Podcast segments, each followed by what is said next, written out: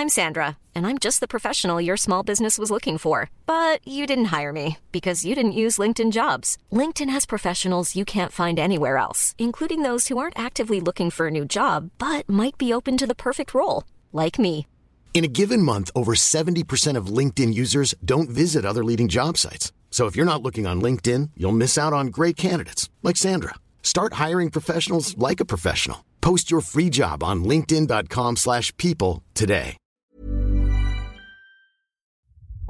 When people are happy with risk and embrace risk, then by definition, uh, prices go high.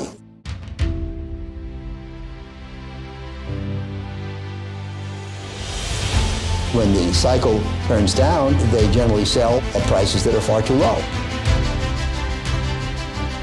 This is not about getting more information. We live in a world where we have too much data. I'm uh, happy to report another stable quarter. Hallå och välkomna tillbaka till Aktiesnack. Detta är en podd som görs av och i samarbete med Kalkyl. Och idag så ska jag prata lite om den europeiska energikrisen och dra ett case som jag tror kommer tjäna på den. Samt så ska Peter snacka om det intressanta sydamerikanska Amazon, Mercado Libre. Men först, hur är känslan för börsen just nu Petter?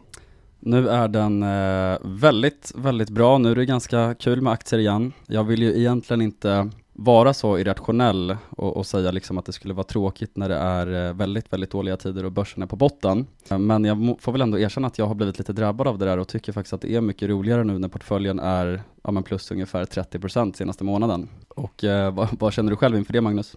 Ja, men jag håller med 100%. Jag tycker det går igen rätt mycket när man pratar med, med randoms också. Nu har folk börjat tycka det är kul igen. Och det är ju lättare att lägga tid då, men det gäller att hålla sig eh, disciplinerad. För det är ofta när det svänger mycket och det går ner som man hittar de riktigt bra lägena egentligen. Ja, precis. Det är då man borde sitta och gräva igenom egentligen allting. Men, men nu när, liksom, när det har studsat upp lite, då är det faktiskt lite roligare igen. Ja, man ska inte klaga över Får när man det är kul. och säga.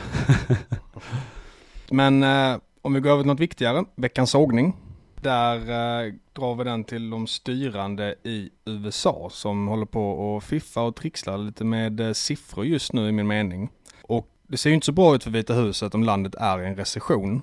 Och nu har USA haft två kvartal med minskande tillväxt, vilket hela mitt börsliv i alla fall har inneburit att det är en recession. Men hur tror du Peter då att man löste det? Eh, Jag har läst lite om att man ändrade definitionen på, på recession. Sen vet jag inte exakt hur Exakt, det gick till. de, de gillade inte verkligheten så då ändrade de definitionen på ordet istället. Och sa, Snyggt. så vi finner, befinner oss inte i en recession. De gjorde någon egen hittepå-definition med lite nonsens. Och även om det är liksom en väldigt mild recession i USA, det ska man inte sticka under stol med, det går ju fortfarande ganska bra för ekonomin. Så kan man ju inte ändra innebörden av ord bara för att det inte passar in i den verklighet man vill ha just nu. Och där tycker jag också att det var lite liknande resonemang för Biden på Twitter för ett tag sedan. För att inflationen i juli var 8,5 procent. Det är ju extremt högt om man ser till hur det har varit de senaste decennierna. Men vad tror du han skrev att inflationen var där? Där vet jag att han skrev att den var noll. Sen är dock frågan om det var inkompetens från, från Bidens håll eller om han faktiskt liksom trodde att den var noll. För det var 0% månad till månad, eller hur? Exakt. Och vanligtvis så räknas den på årsbasis, alltså Exakt. Year on year. 30 dagar då säger ju inte inflationen jättemycket. För det kan ju vara att oljepriserna har gått ner rätt mycket, då är bensinen billigare och så slår det på inflationen på marginalen just den månaden. Så det man måste göra det är ju att kolla på hur det har gått senaste året. Och det är det som är det relevanta. Och han hade ju kunnat lyfta fram att den, eh, den inte var lika hög som den var i juni, då var 9,1. Men man kan ju fortfarande inte hålla på och ändra definitionen bara för att det ska passa en. Och det är ju det här siffertrixandet som är väldigt vanligt idag när det handlar mycket om klick och snabba tweets och liknande. Och det är absolut ingenting som bara Biden håller på med. Det är väldigt många som gör det. Men man måste akta sig för det, tänka kritiskt och när det kommer till information, var kritisk när du granskar det. Det är väldigt många som är lurendrejare helt enkelt, speciellt när det kommer till pengar. Så håll utkik. Sen kanske de har en god avsikt med det, att de vill förmedla att ekonomin egentligen är bättre än vad den är. Så att konsumenterna ska ha lite liksom, mer consumer confidence. Så det kanske är en god gärning, trots allt. Lite, lite Trump-style, köra caps lock och skriva att ekonomin är bra varje vecka oavsett. Exakt så. Men eh, I alla fall nu över till eh, energikrisen då som jag tänkte gå igenom lite. Först eh, hur det ser ut och sen också lite ett case. Och nuläget där är ju att priset på energi har fullständigt rusat i Europa senaste åren. Och för att ta ett exempel så är elpriset idag för vad man kommer betala i vinter i Tyskland ungefär 1000% högre än vad det var i snitt mellan 2012 och 2020. Och det är ju en enorm skillnad och det är också något som kan innebära en katastrof för samhället. Och det är det som jag tycker gör den här frågan väldigt intressant. För att vad man än gör idag i det moderna samhället så behöver man ju energi i princip. Man kan ju inte göra operationer utan el och belysning. Man kan inte transportera mat eller medicin till oss utan bränsle. Vi kan inte värma våra hus och militären skulle ju gravt decimeras om man inte har bränsle till att köra runt de olika fordon man använder där. Så det är ju essentiellt för energi för att man ska kunna överleva i ett modernt samhälle. Och vi har även sett i år hur viktig den geopolitiska bilden är där, eller biten rättare sagt. För frågan är, hade Ryssland verkligen vågat invadera Ukraina om det inte var så att EU var beroende av rysk energi? Och hade USA invaderat Irak om det inte var så att Mellanöstern är en av de absolut största producenterna av olja? För det fanns ju inga massförstörelsevapen då. Om vi kollar på hur det ser ut idag så har ju många länder börjat vidta åtgärder redan. Spanien har förbjudit många delar av samhället att ställa in AC'n på under 27 grader. Så det ska man tänka på när man tycker det är varmt här i Sverige. Och de har förbjudit uppvärmning över 19 grader i vinter. Och i Berlin så har man sänkt temperaturen i offentliga simbassänger. Och sen har även Tyskland återöppnat den smutsigaste typen av energi vi har, nämligen eh, kolkraftverken. Och i Sverige så varnar statliga Svenska kraftnät för att elen kan stängas av tillfälligt i södra Sverige i vinter på grund av elbrist. Och problemen vi har idag, de härstammar ju huvudsakligen från vilken avvägning länder gör när det kommer till att använda kärnkraft och energi som avger växthusgas versus hur billig och säker tillgång vi vill ha till energi. Och det är ju nuläget. Om tio år så kanske vi har eh, batterier så vi kan överleva på bara förnybar energi. Men idag så funkar ju inte det för att när det inte blåser och när det inte är sol så måste vi ha någonting som håller igång samhället. Och när det kommer till Europa så har vi prioriterat väldigt mycket minska på kärnkraft och fossilbar energi framför då energisäkerhet och billig el. Och det finns ju väldigt många exempel på detta. Till exempel hur Tyskland och Sverige stängt ner kärnkraft, hur de flesta länder har arbetat mot olja, kol och gasbolag. Och sen så nu när dessutom Ryssland har börjat stänga av e- eh, gasen till Europa, då har det blivit en riktig, riktigt crescendo på den här krisen. Och många kan ju säga att det var naivt av Tyskland så här i efterhand, men jag tyckte även att när man tog det här beslutet för många år sedan så har ju Ryssland invaderat Georgien 2008, Krimhalvön 2014, så att sätta sig i knät på Putin, vilket man de facto gjorde, det är ju ett historiskt dåligt beslut om man ska vara helt ärlig. Men det jag gillar med exponering mot energiaktier i Europa, det är att Europas priser var ju höga redan innan Ryssland stängde av gasen. Och därför så bör man ändå ha relativt höga priser även om Ryssland skulle slå på den igen. Och jag tror dessutom att EU kommer vilja röra sig bort från rysk gas nu och kommer nog kunna vara beredda att ha lite högre elpris för att göra det.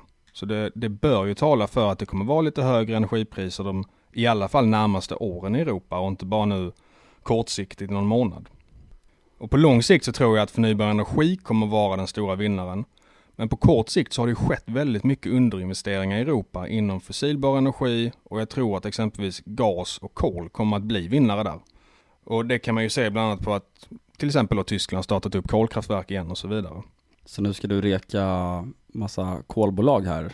Ja, det får vi se. Inte idag, men eh, jag låter spänningen vara kvar där. All right. Men eh, sen så ska man säga också som en liten parentes att även om de kommer minska då oljeanvändningen framöver så betyder inte det nödvändigtvis att det kommer vara dåligt för oljebolagen. För att säga att man om tio år använder 65 procent av den olja man använder idag. Om det då pumpas upp 55 procent av vad det gör idag, då är man ju fortfarande brist på olja och priserna kommer att hålla sig höga. Så att jag har ingen aning om hur högt oljepriset kommer att vara om tio år, men det är ändå en faktor som är värd att ha med sig i bakhuvudet. Men eh, när jag då har letat investeringar här, då har jag faktiskt valt bort olja direkt. Och det är för att olja är betydligt lättare att transportera än vad till exempel el eller naturgas är. Det är lite intressant också, jag kan bara flika in och säga att eh, Buffett och Munger har ju tankat en hel del olja nu också. De har ju några kvartal ökat innehavet ganska markant i Occidental Petroleum. Exakt, de har väl till och med köpt en fjärdedel av hela bolaget. Ja, nu. stämmer. Mm, Tankat ordentligt. Nej men om vi då kollar på varför det är lite svårare att transportera naturgas än exempelvis olja, då är det för att det är en gas och du måste ju behandla den väldigt mycket för att kunna frakta den i exempelvis tankerfartyg. Eller så måste du bygga pipelines som är väldigt stora och väldigt dyra. Och det gör ju att det finns inget enkelt sätt att lösa den här krisen för Europa just nu. Och jag tycker också det har varit en intressant divergens där de senaste månaderna. För nu har ju oljepriset gått ner ungefär 20% på en månad. Men naturgaspriserna i Storbritannien exempelvis, de har gått upp med över 100% sedan juni. Och det är lite bear caset också för den här typen av exempelvis gasbolag då. Att kommer det en recession, då kommer oljan gå ner i pris och då kommer det slå hårt mot bolagen. Men man kan ju se nu i realtid på hur gaspriserna går upp väldigt mycket samtidigt som oljan går ner. Och på grund av att det är någonting som är relativt lokalt, man kan inte forsa det, transportera det över hela världen lika enkelt som olja, så tror jag att det är något som kommer att bestå och det gör att jag som sagt väljer bort olja men känner mig ändå lite tryggare med naturgas i Europa. Och eh, jag då de senaste månaden egentligen suttit som en dåre och försökt gå igenom alla, alla energi och eh, elbolag i Europa överblickligt. Försökt komma fram till eh, bolag med låg värdering som inte håller på med olja och har då hittat tre stycken. Och det första jag hittade är ett eh, gasbolag som heter Serica i Storbritannien. Så det är egentligen ett rent bett då på att vi kommer ha gasbrist i Europa framöver. Och bolaget producerar ungefär 85% naturgas idag, 15% olja och de har market cap på ungefär 12 miljarder kronor. Och vid dagens gaspris så estimerar jag att man kommer göra free cash flow på ungefär 450 miljoner pund. Och det ger EV free cash flow på under 2. Är det free cash flow för eh, 2022 eller? Ja, jag räknar på 12 månader framåt egentligen. All right. Och man har dessutom en kassa på som är 25% av market cap. Så att det är, det är ett billigt bolag definitivt om priserna höj, hålls som de är idag. Sen så är frågan om de gör det såklart. Men det finns ju också en nackdel med Serica, som jag ser det, som jag tycker inte man ska sticka under stol med. Det är att de betalar 65% i skatt på vinsten. Och det är för att många europeiska länder vill ju, ja, de håller ju halvt på att straffa eller i alla fall ta mycket högre beskattning på fossila bolag än vad man gör på övriga bolag i, i eh, ekonomin. Så därför så har Storbritannien sagt att fram till 2025 ska vi ha 65% beskattning. Men är vi free cash flow på under 2, då har jag räknat med den här uh, skattedelen. Skulle inte den uh, regleringen också kunna ändras nu när Storbritannien som land blir mer beroende av den här typen av energitillförsel?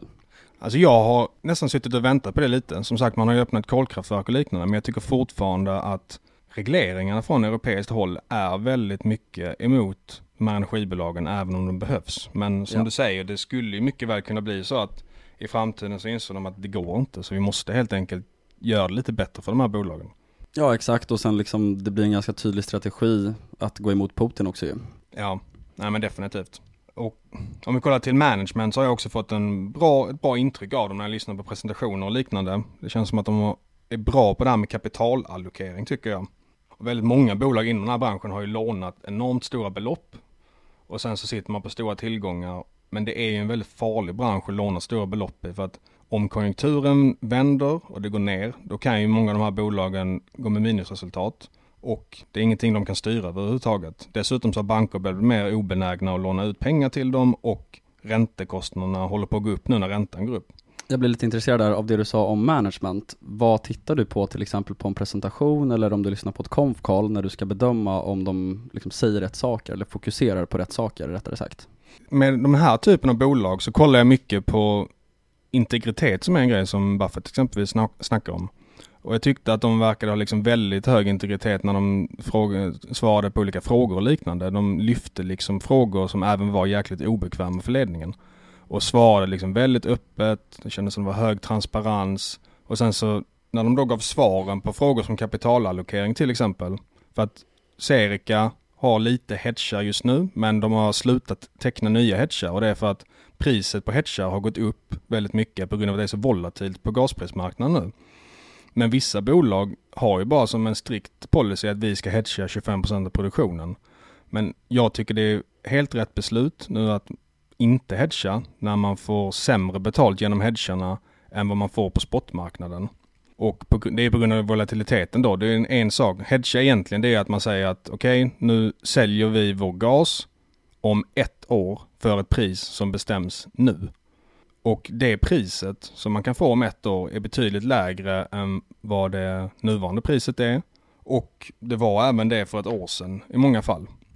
Så det skiljer sig lite mellan olika marknader, men när jag kollat på många av de här bolag i den här sektorn, så det priset man får betalt när de har hedgat har varit betydligt sämre än vad det borde ha varit sett till vad marknadspriserna har varit vid olika tillfällen.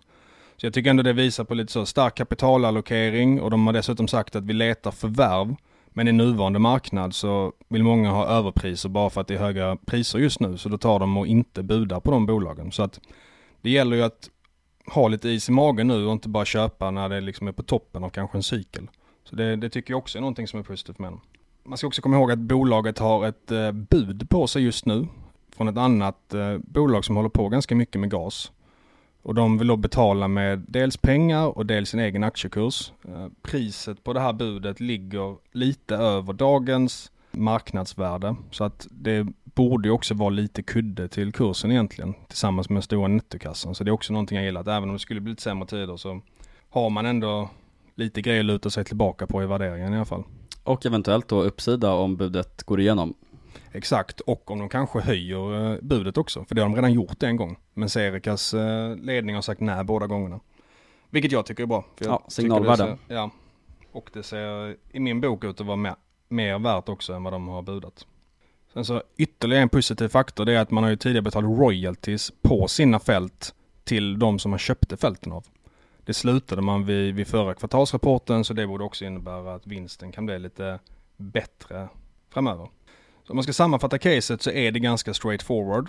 Man eh, säljer brittisk naturgas och den kan man kolla i realtid på en länk som vi kommer lägga i avsnittsbeskrivningen. Så man kan se hur det utvecklas och det tycker jag är ganska skönt så att man vet liksom hur den underliggande råvaran som de säljer är och det är ju det hela caset handlar om. Och för att köpa den här aktien så måste man ju ha en vy om vad man tror om naturgaspriserna i Europa. Har man inte det då är inte det här ett bolag som man ska kolla på överhuvudtaget.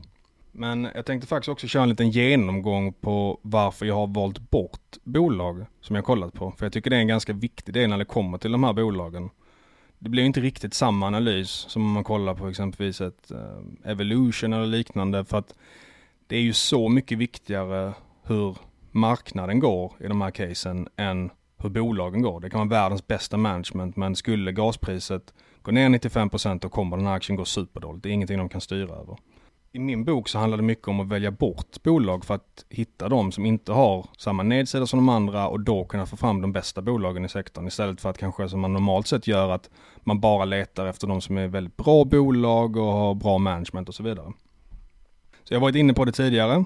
Hög skuld är en av faktorerna som jag definitivt inte vill ha. Och där har ju många oljebolag väldigt, väldigt hög skuld. Så det är någonting man ska hålla utkik efter. Vi har pratat hedgar också. Det är någonting som jag inte är emot i princip. Det kan vara bra att smeta ut så man får lite jämnare intäkter. Men i dagens marknad när man får mycket bet sämre betalt än vad man normalt sett får vid hedging så tycker jag att det är någonting som man ska vara, vara vaksam över. Och det är någonting som gör att free cashflow kommer inte vara lika bra nu de närmaste kvartalen när man har för mycket hedgar trots det höga priset. De höga skatterna har vi också pratat om. Där har ju Serica sin, det är väl den enda plumpen i protokollet de får i den här genomgången av dåliga faktorer. Sen så är det många av de här elbolagen som har statligt ägande av, eh, alltså tänka typ Vattenfall. För det är många av dem som säljer el i Europa och elpriserna har ju också skjutit i taket. Men det är svårt tycker jag att hitta bra bolag som kan tjäna på det. Jag kommer gå igenom ett i något kommande avsnitt men för många av bolagen så är det statligt ägande och det gör ju att de kanske ofta kollar på vad som är bäst för regeringen istället för att kolla vad som är bäst för aktieägarna. Och det kan gå ihop rätt mycket med att man till exempel lägger extremt stora summor på att bygga ut infrastrukturen i elnätet. Vilket eh, tyska RWE ska göra nu som är en sån typ av företag. De ska investera 500 miljarder kronor fram till 2023, eller 2030 menar jag. Och det gör att de kommer inte ha något free cashflow till aktieägarna de närmaste tio åren i princip. Så att det är klart, är man väldigt långsiktig investerare då spelar inte det så mycket roll. Men jag vill i alla fall ha något bolag som sprutar ut kassaflödet till aktieägarna nu, vilket det finns många case i sektorn som gör också. Och sen så ska man också komma ihåg att vissa av de här eljättarna har ju tecknat fasta avtal till kunderna där de har sagt att okej, okay, ni får köpa elen för det här priset. Nu måste de köpa in gas som är till enormt mycket högre pris än vad man hade innan. Så exempelvis Fortumägda Uniper var ju nära att gå i konkurs nyligen på grund av detta. Så det är en viktig faktor att hålla koll på när man kollar på de här bolagen. Sen så lite på samma tema, men vissa bolag importerar ju rysk gas för att kunna ge till kunderna och nu kan ju de inte göra det längre på samma sätt. Så att det är viktigt att hålla koll på att man inte har något bolag som sitter i den rävsaxen. Och sen så sista faktorn också som vi varit inne på lite tidigare, men jag vill ju ha bolag som har europeisk exponering. Och många av de här oljebolagen och liknande, de är verksamma över hela världen. Och det här är ju ett lokalt problem primärt när det kommer till el och gas. Så därför så vill jag inte ha så mycket exponering i andra länder, även om globala elpriserna är höga och globala gaspriserna så är det inte alls på samma nivå som det är i Europa, så jag vill ha lite ren exponering när det kommer till det här. Det känns ju som att det är väldigt många stjärnor som står rätt för det här caset, och då misstänker jag att det borde också synas i aktiekursen redan. Är det så att det redan har börjat prisas in det här, alltså alla de här sakerna som du också har noterat? Delvis. De här, den här typen av bolag har ju gått eh, väldigt bra i år. Det kan man inte sticka under mm. stol med. Men, men du fokuserar på dagens värdering såklart? Ja, jag gör ju det ja. och eh, aktien står ändå lägre nu än vad den gjorde för två, tre månader sedan. Så right. det, det, fick ju liksom, den här typen av aktier fick ju väldigt stort uppsving när Ryssland invaderade. Mm. Men sen sjönk de tillbaka ganska mycket. Och nu ligger de någonstans mitt emellan där. Så att jag, jag tror inte, framförallt när man kollar liksom på multiplarna, så jag tror inte så att tåget har gått riktigt. Nej. Och hur handlar du det här? Är det liksom via DeGiro? Jag misstänker att det är noterat på London, eller? Exakt, så det är omöjligt att handla på Nordnet. Jag har prövat på många sätt. Men man kan ringa in till Avanzas eh, mäkleri och uh, handla där eller så kan man då sätta upp konto på DeGiro och då går det att handla med, med klick på datan som vanligt. Även fast det är lite högre courtage när man lägger telefonorder på Avanza tycker jag faktiskt själv att det är old school. Det känns lite nice att ringa sin mäklare och, och lägga en order via telefon. Du känner dig som Gordon Gecko när han går runt där på stranden i soluppgången. lite så, lite hybris kanske. Nice. Men eh, det var väl eh, seriekapitchen egentligen och eh, man ska också komma ihåg det att de har res reserver just nu för åtta års produktion ungefär. Man har dock borrning på ett fält i höst som skulle, kommer att kunna dubbla reserverna. Management säger att det är ungefär 25-30% chans att det går igenom. Och sen gör man också smååtgärder hela tiden som gör att man förlänger fälten. Så att jag tror att åtta år är väldigt lågt räknat men det är också någonting man ska ha med sig. Det är ju, det är ju ingenting som har uh, resurser för att producera där i hundra år utan det finns ju en livslängd på det. Bra pitch Magnus, men nu är det dags att prata om det alla har väntat på tycker jag. Exakt, nu är det dags för lite mer moderna case. Exakt så. Mercado Libre. Yes. Mercado Libre är också känt som Melli och det är en marknadsledare inom e-handel och en av de största fintechbolagen i Sydamerika också. Idag opererar bolaget i 18 länder och har en marknadsledande position i alla de största ekonomierna i Sydamerika som är då Brasilien, Argentina, Mexiko, Colombia och Chile. Och genomsnittligen så har Melli omkring 30% market share för e-handel i Sydamerika. Givet affärsbenen som Melli driver bör man betrakta bolaget som ett Alibaba snarare än Amazon tycker jag, då Melli är väldigt stora inom fintech också. Men givet hur mycket Melli satsar på inhouse eh, logistik skulle man även kunna slänga in Amazon som en bra benchmark. Så att jag vill hävda att det är någon typ av mix då mellan Amazon och Alibaba. Och det är nog också naturligt och rimligt att det har blivit så eftersom Mercado Libre hela tiden har haft förmånen att kunna titta på både Amazon och Alibaba och ta efter slash kopiera de bästa egenskaperna från båda de här bolagen. Och anledningen till att jag har fastnat för caset är för att bolagets historiska tillväxt verkligen är one of a kind och att de har varit kassaflödespositiva med god marginal i över ett decennium. Och såklart så är det väldigt mycket som tyder på att den här resan kommer fortsätta också i lång tid framöver tycker jag. Annars hade jag inte tyckt att det var så spännande. Men jag tänker att jag ska göra en business breakdown här för jag tycker att det är rimligt att dela upp Mercado Libre i sex olika verksamhetsben och det här är ju en väldigt stor koncern, det är ett market cap på ungefär 50 eh, miljarder dollar. Men då börjar vi med det som är kärnan i verksamheten och det är ju e-handelsmarknadsplatsen som heter Mercado Libre. Och bolaget startade egentligen som en Ebay-kopia år 1999 i Argentina. Så vid starten så var ju Melli mer av ett Ebay eller Alibaba då snarare än Amazon eller JD. Eftersom att man först då bara fokuserade på internetbaserad tredjepartsförsäljning helt enkelt. Men givet att bolaget fick så mycket klagomål vad gäller dålig kvalitet på produkter och opolitlig logistik och så vidare så, så började ju Melli med att, att sälja varor på sin egen plattform, alltså som de då producerade själva. Och det är lite kul här, för Amazon gjorde ju precis samma sak, fast tvärtom. Det vill säga att de startade med att sälja egna varor för att senare då bjuda in andra bolag att sälja på deras plattform.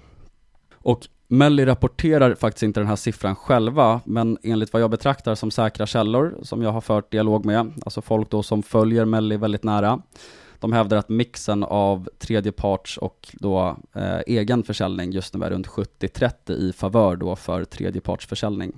Så att primärt är det då en marketplace.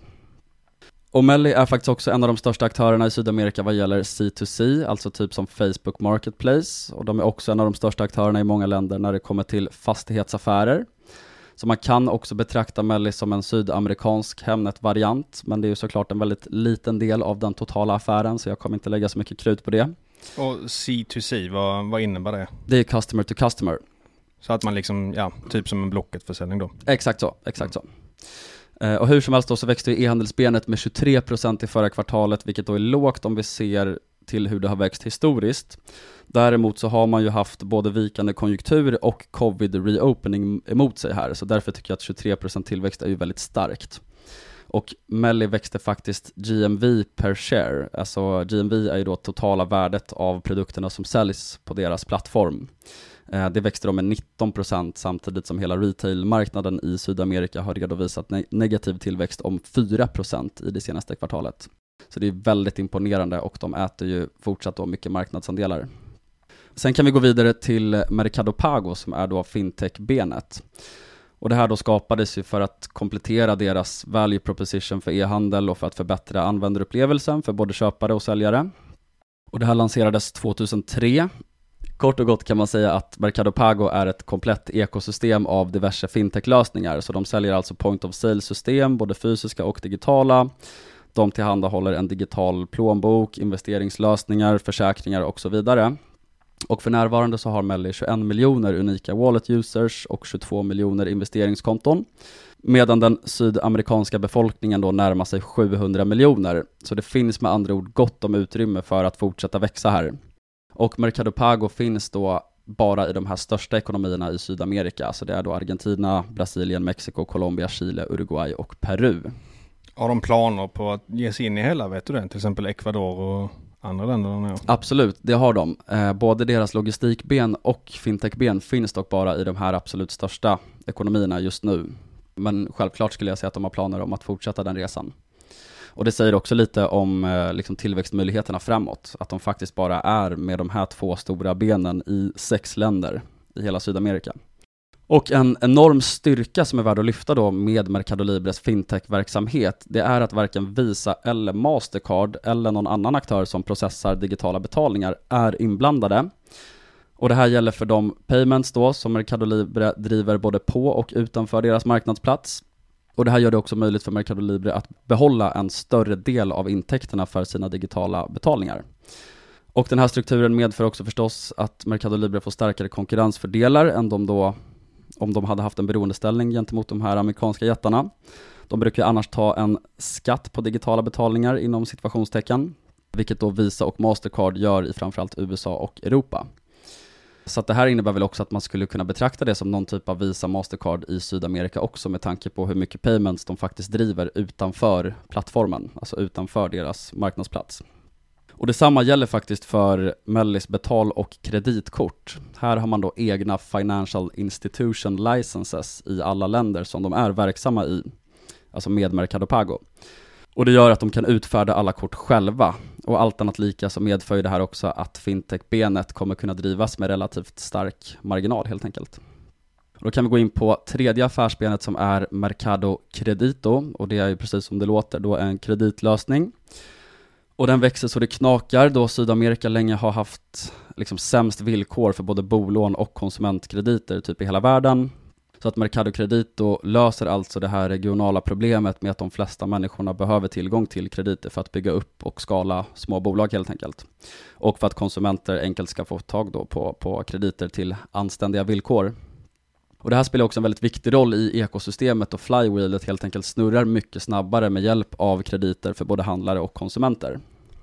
Och för Mercado Credito så har man då finansieringspartners och då är det City och Goldman Sachs som de har. Och de är ju inte involverade i själva utlåningsverksamheten utan bara i finansieringsdelen. Och det finns några anledningar till det här.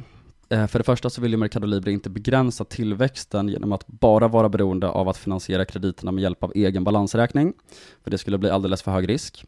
Så genom att låta en tredje part vara delaktig i att finansiera krediterna så sänker alltså Mercado Libre risken och de kan växa mycket snabbare helt enkelt.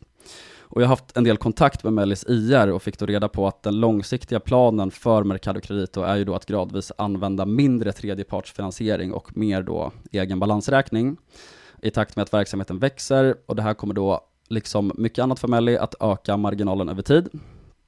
Och både Mercado Pago och Mercado Credito redovisas tillsammans som fintech-intäkter och i andra kvartalet för 2022 som redovisades förra veckan så växte fintech-benet med 107% och utgjorde faktiskt 46% av de totala intäkterna.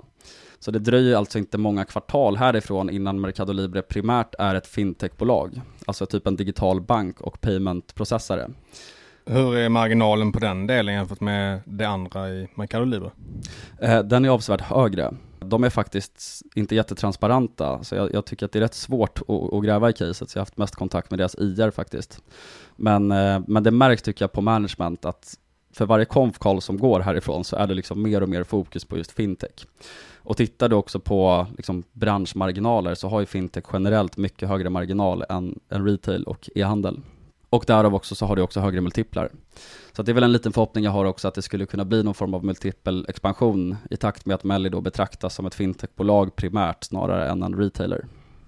Sen kan vi gå vidare till Mercado Envios då som är deras logistiklösning och Melle driver ungefär 90% av all försäljning som sker på deras plattform genom deras egna logistikben.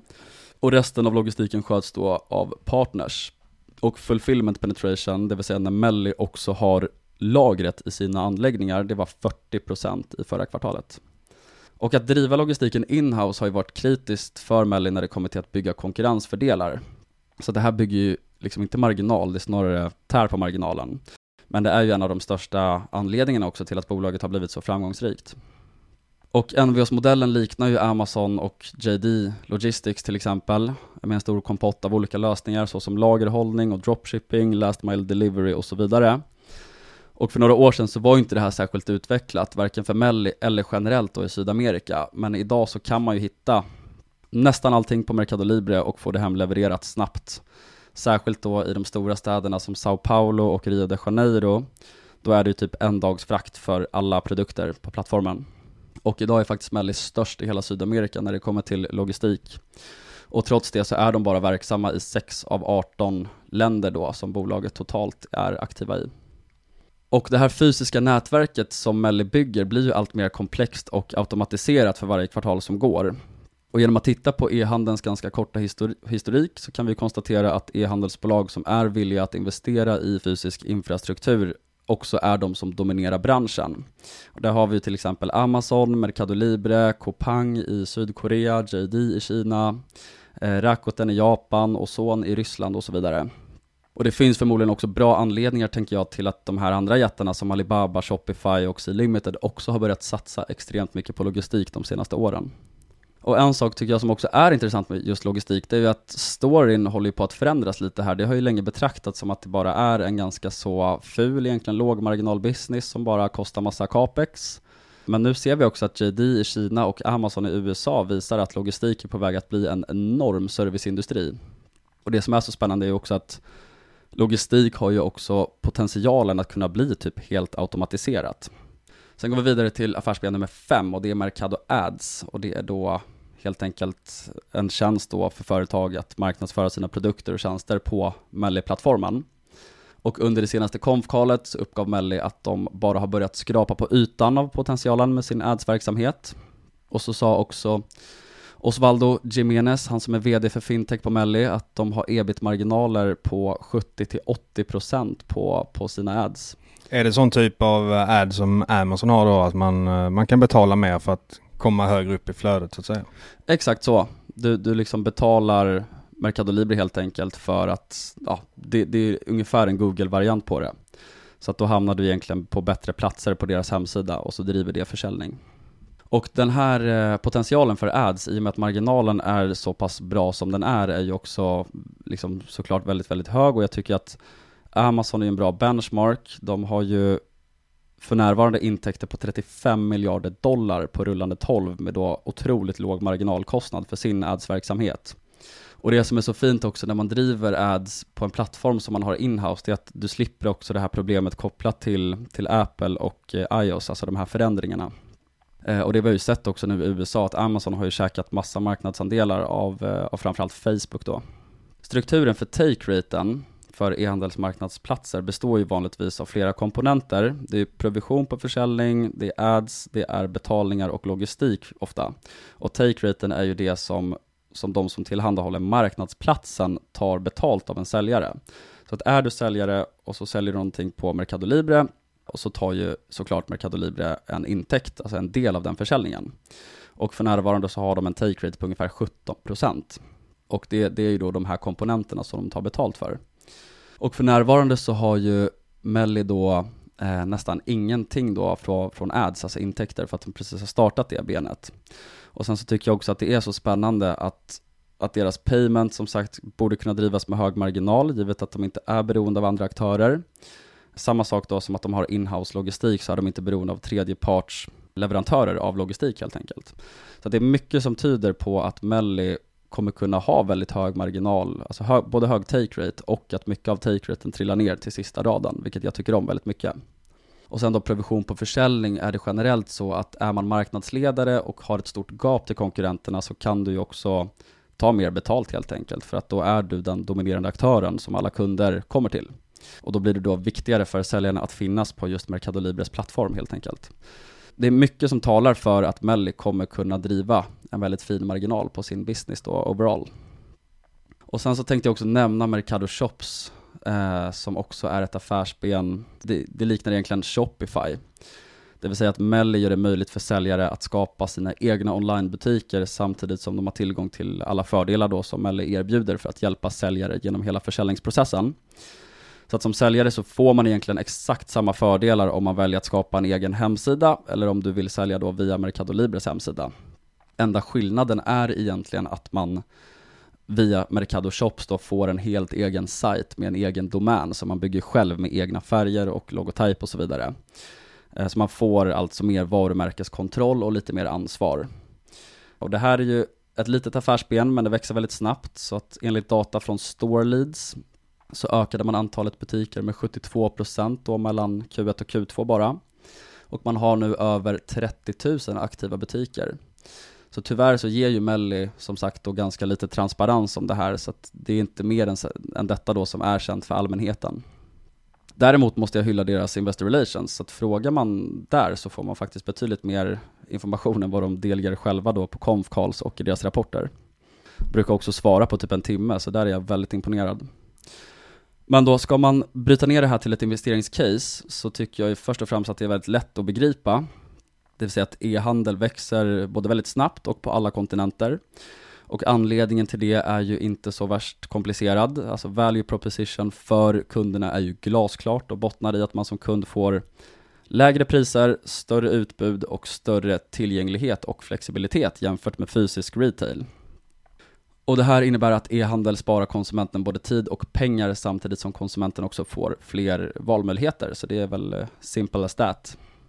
Sen har också e-handel varit ett bra hem för optionalitet historiskt. Alibaba blev ju det största försäkrings och fintechbolaget i Kina. Amazon är den största cloudleverantören i världen. JD är den mest utvecklade logistikaktören i världen. Mercado Libre och C-Limited förvandlas i skrivande stund då till gigantiska fintechbolag i Sydostasien och eh, Latinamerika. Vilka, vilka två eller tre ben tycker du är mest intressanta i Mercado Libre? Ja, då skulle jag säga de, de största får man väl nog säga då, alltså Mercado Pago Jag säger Mercado Libre, alltså marknadsplatsen, Mercado Pago, alltså payments-lösningen och Mercado Credito, alltså kreditlösningen. Resten är väl egentligen inte så mycket mer än optioner idag, det vill säga Mercado Shops och sen så har vi ju Mercado Ads och sen så har vi ju logistikbenet som egentligen inte driver så mycket marginal men det minskar ju risken i caset. Och jag är ju av den åsikten också att det är inte bara framtida cashflow som spelar roll och jag antar att du håller med mig här Magnus, för det är också risken för det framtida cashflow som spelar roll. Absolut. Probabiliteten kanske är ett bättre ord. Så att jag tycker inte bara att man kan liksom tänka på, på uppsida helt enkelt när du ska göra en värdering, utan du måste också försöka konkretisera probabiliteten för att det faktiskt införlivas. Nej men det är en bra poäng och det är ju någonting som, uh, som många tappade 2021. Det var lätt att räkna på uppsidan men många glömde nedsidan. Och den är ju väldigt viktig. Exakt så, och det kan vi också se på Mellis, eh, framförallt bruttomarginal som har, liksom senaste åren har den ju sjunkit ganska kraftigt och det beror ju på att de har också investerat så pass mycket i logistik. Men det, är liksom, det, det gör affären mycket säkrare, det är en jätteviktig del i ekosystemet, men tar lite på marginalen. Och sen tänkte jag också såklart prata lite om eh, konkurrensfördelarna. Och det var lite det vi pratade om just det här med logistik, att ett högre kapitalbehov påverkar marginalen negativt men det stärker också konkurrensfördelarna. Och den här fysiska infrastrukturen får man ju faktiskt betrakta som någon form av konkurrensskydd. Och det som jag tycker om så värst mycket här, det är också att businessen ovanpå det här är ju också digitalt skalbar. Så det här är något lite personlig favorit när det kommer till Moat för egen del faktiskt. För jag tycker att det här ger en bra mix av låg risk men hög potential. Sen tycker jag det är lite kul också, jag som är så sjukt nördig när det kommer till Buffett, så kan man ju titta lite på vad han har satsat på historiskt. Och han har ju ofta investerat i saker som egentligen går att lita på tills jorden slutar snurra eller tills solen inte går upp längre. Och då har vi typ McDonalds, Amex, Coca-Cola som tre bra exempel. Och McDonalds och Coca-Cola har ju ridit på trenderna för mat och vätska medan Amex då har, driv, eh, har ridit på betalningstrenden. Och människor kommer ju såklart alltid behöva äta, dricka och göra betalningar och jag ser egentligen samma sak här för logistik, att vi kommer alltid behöva transportera saker. Men bortsett då från mat och dryck så har ju logistik och e-handel faktiskt potentialen att bli helt automatiserat och digitaliserat. Men det är också lite bra poäng det där med, med risk för att det är ju lite med IT-bolag. Man tänker ju ofta på potentialen men i en snabbföränderlig bransch så kan ju också saker bli obsoleta ganska snabbt som exempelvis ett, ett Facebook som nu har börjat få det lite tuffare. Men som du pekar på här, om man då har lite mer stabil verksamhet som man vet alltid kommer behövas och det är ganska stora investeringsbehov för det. Mm. Då är det lite lättare att kunna se att det här håller långsiktigt. Ja, exakt så. Och är någonting 100% skalbart, om jag då startar en business här i Sverige så kan det faktiskt bli så att då kommer det någon från från Silicon Valley eller Kina för den delen och bara har exakt samma produkt fast gör det mycket bättre. Och då kanske jag blir utkonkurrerad av någon som sitter på andra sidan jorden. Men det är det som är så himla fint här att det här caset är ändå så pass beroende av lokal närvaro och lokala investeringar. Så att det är väldigt svårt för andra aktörer, till exempel då Amazon och Alibaba, att bara liksom komma in i Latinamerika och egentligen applicera deras affärsmodeller där. För att det kräver så pass mycket capex att göra det. Och när vi också pratar om konkurrensfördelarna så tycker jag att det är viktigt att nämna en downside med caset såklart. Och det är ju framförallt att konkurrensen har ju blivit avsevärt mycket tuffare de senaste åren. Och då är det framförallt då Shopee, alltså C-Limiteds e-handelsplattform. Vi har då Amazon, AliExpress och några lokala aktörer som Magalu och Americana som är de tuffaste konkurrenterna idag. Och Shopee lanserades 2019 i Sydamerika, Amazon lanserade Prime 2019 i Brasilien, så det är ett tecken på att de verkligen börjar gasa där. Och AliExpress som är då ja, en, ett dotterbolag till Alibaba äntrade Sydamerika förra året, så konkurrensen börjar verkligen hetta till, så det kan ju också bli en marginal compression då för Melli såklart. Och att konkurrensen har kommit är också väldigt rimligt för att eh, senaste åren så har Sydamerika faktiskt haft högst tillväxt i världen för e-handel om vi då exkluderar Afrika som eh, växer från väldigt låga nivåer. Och en annan grej med caset är också att de har väldigt, väldigt lång och fin historik och det tycker jag om väldigt mycket.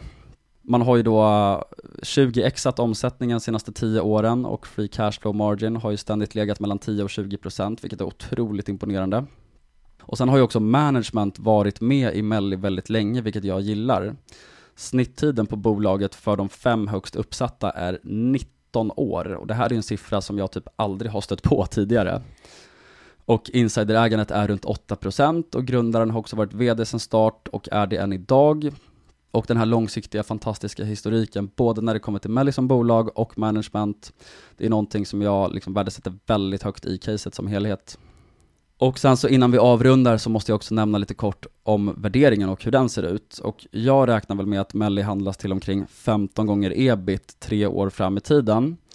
Och det låter ju inte superbilligt, men den här businessen ska ju heller inte vara billig.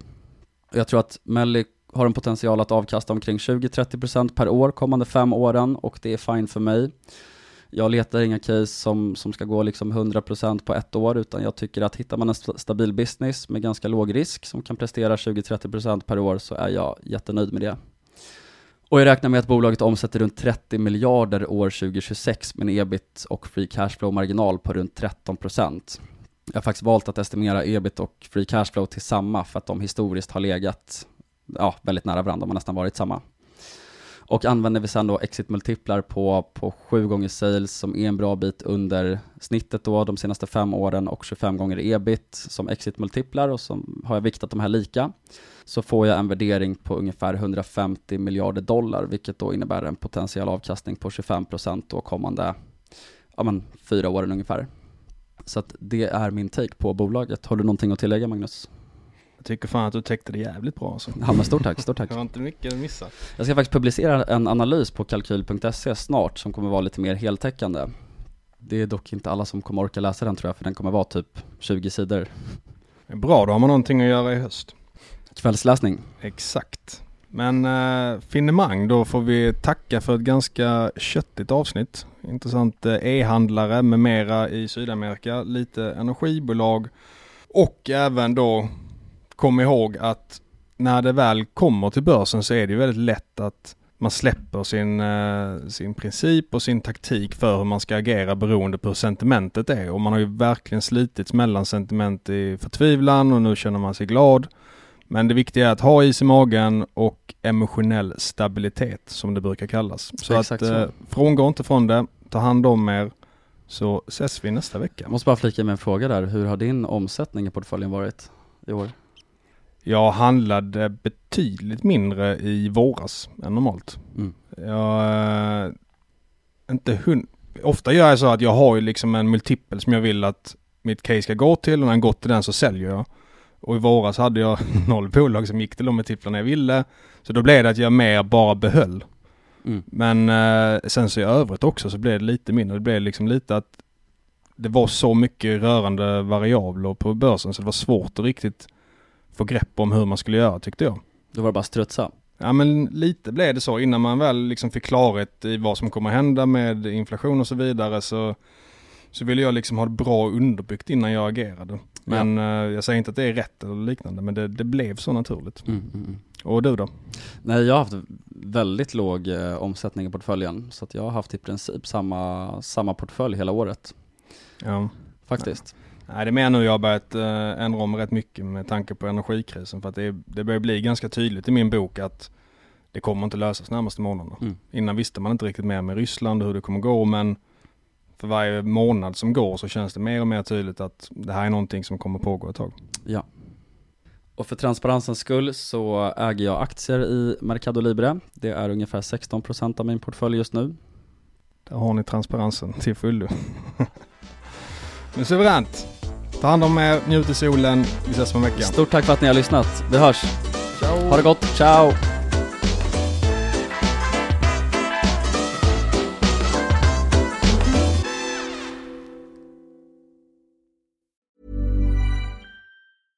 Imagine the softest sheets you've ever felt. Now imagine them getting even softer over time. That's what you'll feel with Bowl and Branch's organic cotton sheets. In a recent customer survey, 96% replied that Bowl and Branch sheets get softer with every wash. Start getting your best night's sleep in these sheets that get softer and softer for years to come. Try their sheets with a 30-night guarantee. Plus, get 15% off your first order at bowlandbranch.com. Code BUTTERY. Exclusions apply. See site for details.